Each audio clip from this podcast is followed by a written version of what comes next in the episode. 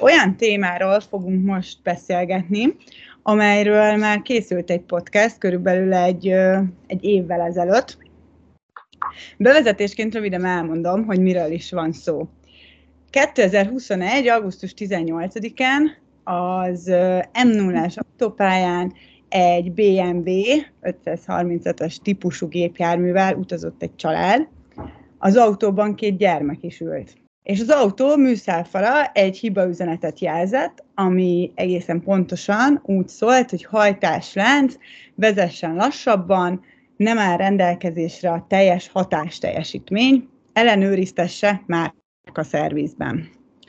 Ennek megfelelően a gépjármű vezetője lelassított, majd ezt követően a visszapillantott tükörben füstöt észlelt a gépjármű jármű hátulja felől, és ebben a pillanatban, hogy, hogy ezt megpillantotta, leállította a motort, és ezután elöntötte a füst az autót. A család kiszállt az autóból, még arra volt idejük, hogy a személyes dolgaikat is kivegyék, majd ezt követően gyakorlatilag végignézték, ahogyan leég az autó. Na most ezzel kapcsolatban kérdezlek titeken, hogy, hogy mi történt azóta. Kiderült, hogy mi okozta a hibát? Részben kiderült, hogy mi okozta a hibát. Az, a podcastnál, amikor ugye megbeszéltük először, hogy mit fogunk tenni, azt az utat próbáltuk bejárni, és ennek megfelelően előzetes bizonyítási eljárást kezdeményeztünk közjegyző előtt. Ma már egyébként lehet a bíróságnál is kezdeményezni, mi a közjegyzői utat választottuk, és a BMW tűzkárok esetén már ismert szakértőt rendelték ki szakértőnek, az Ozsvár Zoltán szakértő urat, aki bevont még egy tűzkár szakértőt, Boros Tibort, Borsos. vagy Borsos Tibort az ügybe, tehát két szakértő vizsgálta az autót, és erre azért volt szükség, hogy lássuk, hogy pontosan mi történt az autóval, lehet-e igényt érvényesíteni ebben az ügyben. Hibázott-e valaki? Tényleg ez a BMW is az, a, amelyik elmondható, hogy az EGR szerep a probléma, ahogy az összes többi tűzkáros BMW-nél, és ezt lefolytatták ezt a vizsgálatot, én magam is jelen voltam vizsgálat kor, és ott a szakértő urak végül arra jutottak, hogy ebben az autóban nem az EGR szelep volt a rossz, hanem a részecske szűrő, tehát a részecske szűrő miatt gyulladt ki az autó. Ez egyfelől megnyugtató, mert ez az autó egy visszahívott autó volt, beleesett abba a körbe, amelyeket visszahívott a BMW, hogy kicseréljék az, az EGR szerepet, vagy hűtőt, és azért megnyugtató, mert ezek szerint, ha kicserélik, akkor ez jó lesz, tehát sokkal rosszabb lett volna, ha megtudjuk, hogy csere után is még kigyulladhat. Tehát ebből a szempontból megnyugodhatunk, ugyanakkor a részecske szűrőre több problémát mondtak. Egyrészt azt, hogy rossz, hibás konstrukció a szakértő szerint a részecske szűrő is, mert olyan anyagokkal van körülvéve, amelyek nem adnak megfelelő védelmet a kiégés ellen. Tehát egyelőre ennyi. A, a szakértői vélemény alapján még nem indítottunk semmilyen eljárást. Hát most abban a stádiumban vagyunk, hogy gondolkozunk, hogy, hogy bevállaljuk egy peres ügyet, mert nem a, ezt indítottunk. Ez alapján, a szakértői vélemény alapján egyáltalán kivel szemben lehetséges érvényesíteni ezt a kárigényt? Hát gyakorlatilag ugye kétféle megoldás lehetséges. Ugye ezt a részecske szűrő kapcsán a, a szakértői vélemény azt azért kimondta, hogy ugye ennek a, a cseréje esedékes volt, tehát ugye ez egy kopó rész, és ugye ehhez kapcsolódóan kérdés, hogy ugye ennek a szervizelése hogyan történik, illetőleg hát ez, ez, ez ugye a korábban megfelelően történt le. a, a, az ügyfél ránk, ugye a fejét mozgatja közben, hogy nem feltétlenül így van, úgyhogy át is adom neki a szót most. Azért, mert azóta, mióta ugye elolvastuk a szakértőleményt, nyilván az ember körbejárta ezt a kérdést, és én azokat az információkat kaptam, mind hivatalos, mind hiv- nem hivatalos úton, hogy ezt az alkatrészt gyakorlatilag még egy BMW-ben sem cserélték ki, tehát, hogy ez egy olyan alkatrész, aminek nincsen előírt csere intervalluma, nincsen előírt karbantartási intervalluma, úgyhogy tehát én nem tartom elfogadhatónak, hogy egy alkatrésznek az a hiba, az első hiba jelensége, hogy leég tőle az autó. Igen, pont akartam kérdezni, hogy, a, hogy mielőtt kigyulladt ez a hibajelzés, ez a hiba üzenet előtte semmilyen hiba üzenet nem volt, akár ezzel, akár mással kapcsolatosan? Sem, hát volt, volt, egy, volt egy hibám az autón, egy az megközelítően 1300-1400 kilométerrel korábban, hetekkel korábban, mhm. az egy, az egy turbo, mi is volt ez, ez a turbo geometria szabályzó mechanikus alkatrészt jelezte, az ki lett cserélve, nem, nem márkaszervizben, de rendes gyári alkatrészsel ki lett cserélve, meg, meg lett csinálva, azon semmilyen problémám nem volt utána tehát amikor, én, amikor az esemény történt, azon a napon körülbelül 6, 600 kilométert autóztam, és, és mindenféle hiba jelenség nélkül. A kigyulladást megelőzően 5 perccel kaptam az első hibajelzést, akkor éreztem is teljesítménycsökkenést az autón, és utána már menthetetlen volt az autó. Igen. Ez a másik dolog, ami, ami, ami számomra, illetve mások számára is lehet egy érdekes tanulság, hogyha azt írja ki az autó, hogy teljesítmény hibád van, és hajts lassabban, az, az gyakorlatilag magyarra fordítva az inkább azt jelenti, és azt kell tenni, hogy álljál meg az autóval, menj vele tovább, és hívjál trélert. Igen. Tehát akkor az megállapításra került, akkor ha jól értem, hogy ez az EGR hűtő kicserélése kapcsán, tehát nem itt a szervizelés kapcsán történt a probléma, ezt kizárták gyakorlatilag. Igen, az autóban egy gyári DPF volt, tehát a DPF alkatrészt senki nem cseréltek ki az autóban, és semmi, semmilyen tehát e, erre az alkatrészre semmilyen se javítás, se csere nem történt, ez egy gyári alkatrész volt az autóban, így azt tudom mondani, hogy igen, ez egy gyári, gyári szavatossági problémának gondolom én vagy tervezési hibának, vagy nem tudom minek nevezzük, tehát ott, ott elégett egy alkatrész, egy, egy fém alkatrész. Hát mi arra gondoltunk első körben, miután megtudtuk, hogy mit mond a szakértő, hogy a visszahívás a szakszervizben történt. Tehát a visszahívás miatt a problémás alkatrész cseréjét, tehát a, a ugye nem a részecske szűrőt, hanem ezt az egérhűtőt, ezt kicserélték szakszervizben. És nekünk korábban volt egy ügyünk, ahol a bíróság jogerősen is úgy foglalt állást, hogyha szakszervizben szervizelik az autót, akkor elvárható, hogy a következő szerviz intervallumig üzembiztosan működjön.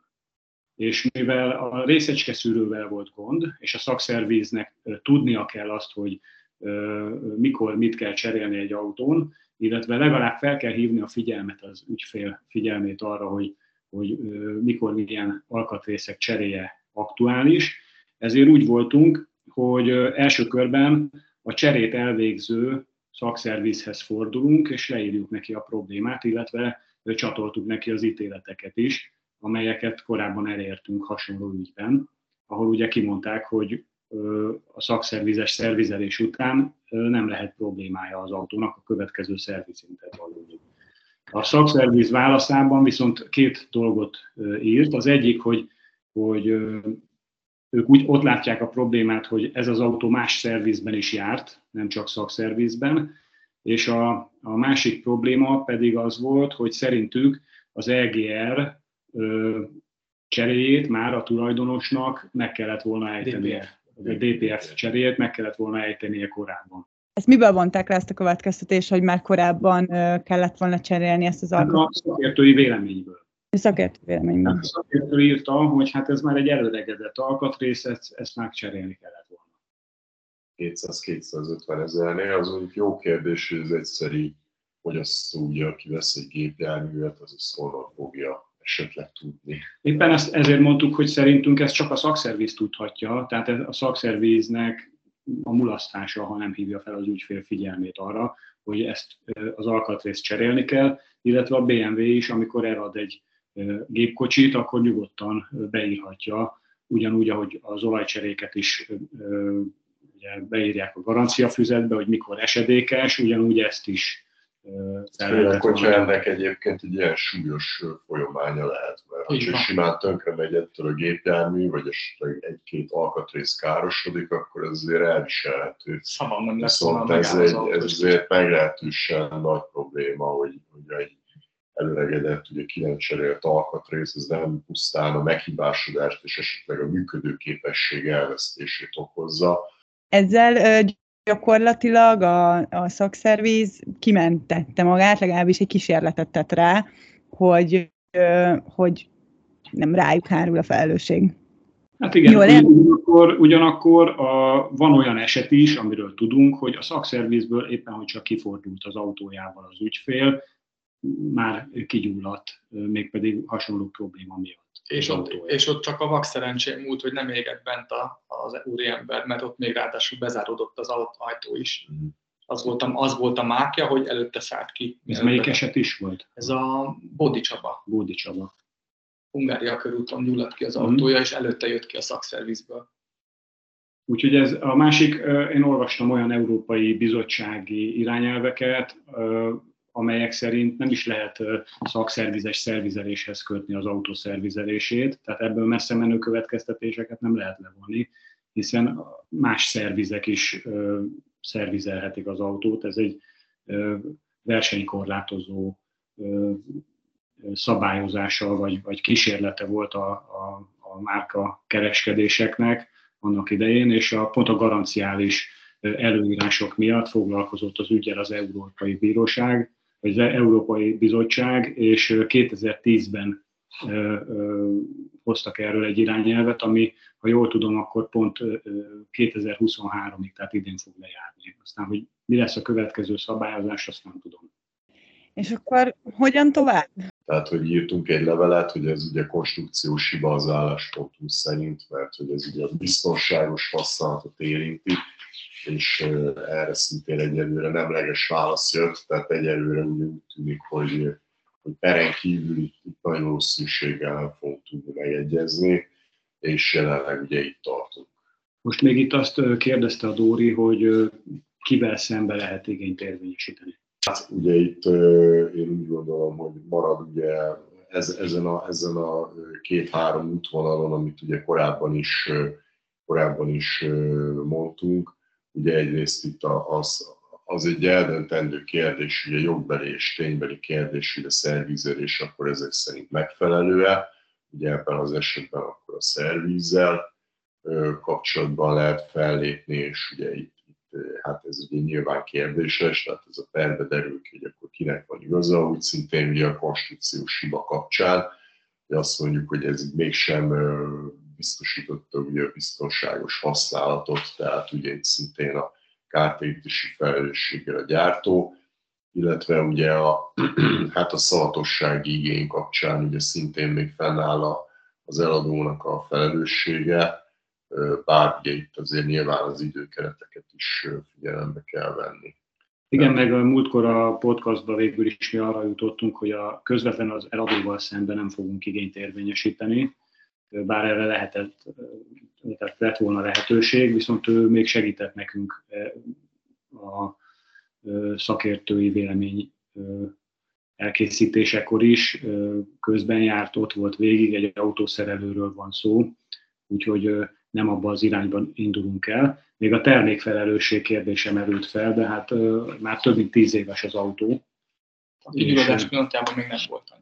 Pont, és pont tíz éves. Igen, pont tíz éves. Két héttel múlt el tíz éves. Igen? Igen, igen. Így van, mert 2011. szeptember valahanyadikán helyezték, ugye. És az egy jó vesztő határ. 21. október 5-én jött ki. Augusztus 18 Augusztus 18 jó, akkor nem szóval... Volt, nem volt még 10 éves. Jó, hát meg... minden esetre ezt megvizsgáltuk, mi ezt úgy ítéltük meg, hogy a jogvesztő határidő, viszont kártérítésre van lehetőség, mert a kár az most keletkezett, és, és elévülési időn belül kártérítési per tudunk indítani az ügyben. Úgyhogy még gondolkodás fázisában vagyunk, ugye nem tudjuk, hogy ez, ezért nagy perköltség jár egy ilyen ügy, szakértőt kell újra kirendelni, vagy persze előzetes bizonyításban történt a szakvélemény beszerzése, tehát ezt a perben felhasználható, de ahogy én tapasztaltam, azért ezeket a szakvéleményeket általában azt a, másik oldal mindig eléri, hogy legalább kiegészítsék, meghallgatjuk a szakértőt. Lehet, hogy később mégis kirendelnek más szakértőt is. Ennek költségei vannak, illetékköltség, ügyvédeket fizetni egyik-másik oldalon, úgyhogy olyan perköltséggel jár, ami alaposabb átbeszélést igényel, hogy beleugorjunk ebbe az ügybe. Főleg úgy, hogy nem az lett a hiba, mint amire számítottunk. Természetesen ilyenkor mérlegel az ember. Hát én kíváncsian várom a folytatást, hogy, hogy végül hogyan döntötök hogy lesz-e, hogy lesz a továbbiakban. Van még bármi, amit elmondanátok? Ha lesz folytatás, akkor, akkor mindenképpen beszámolunk. Beszámolunk róla, igen. Úgyhogy köszönjük szépen. Köszönöm szépen a beszélgetést. Sziasztok! Sim, sim, sim.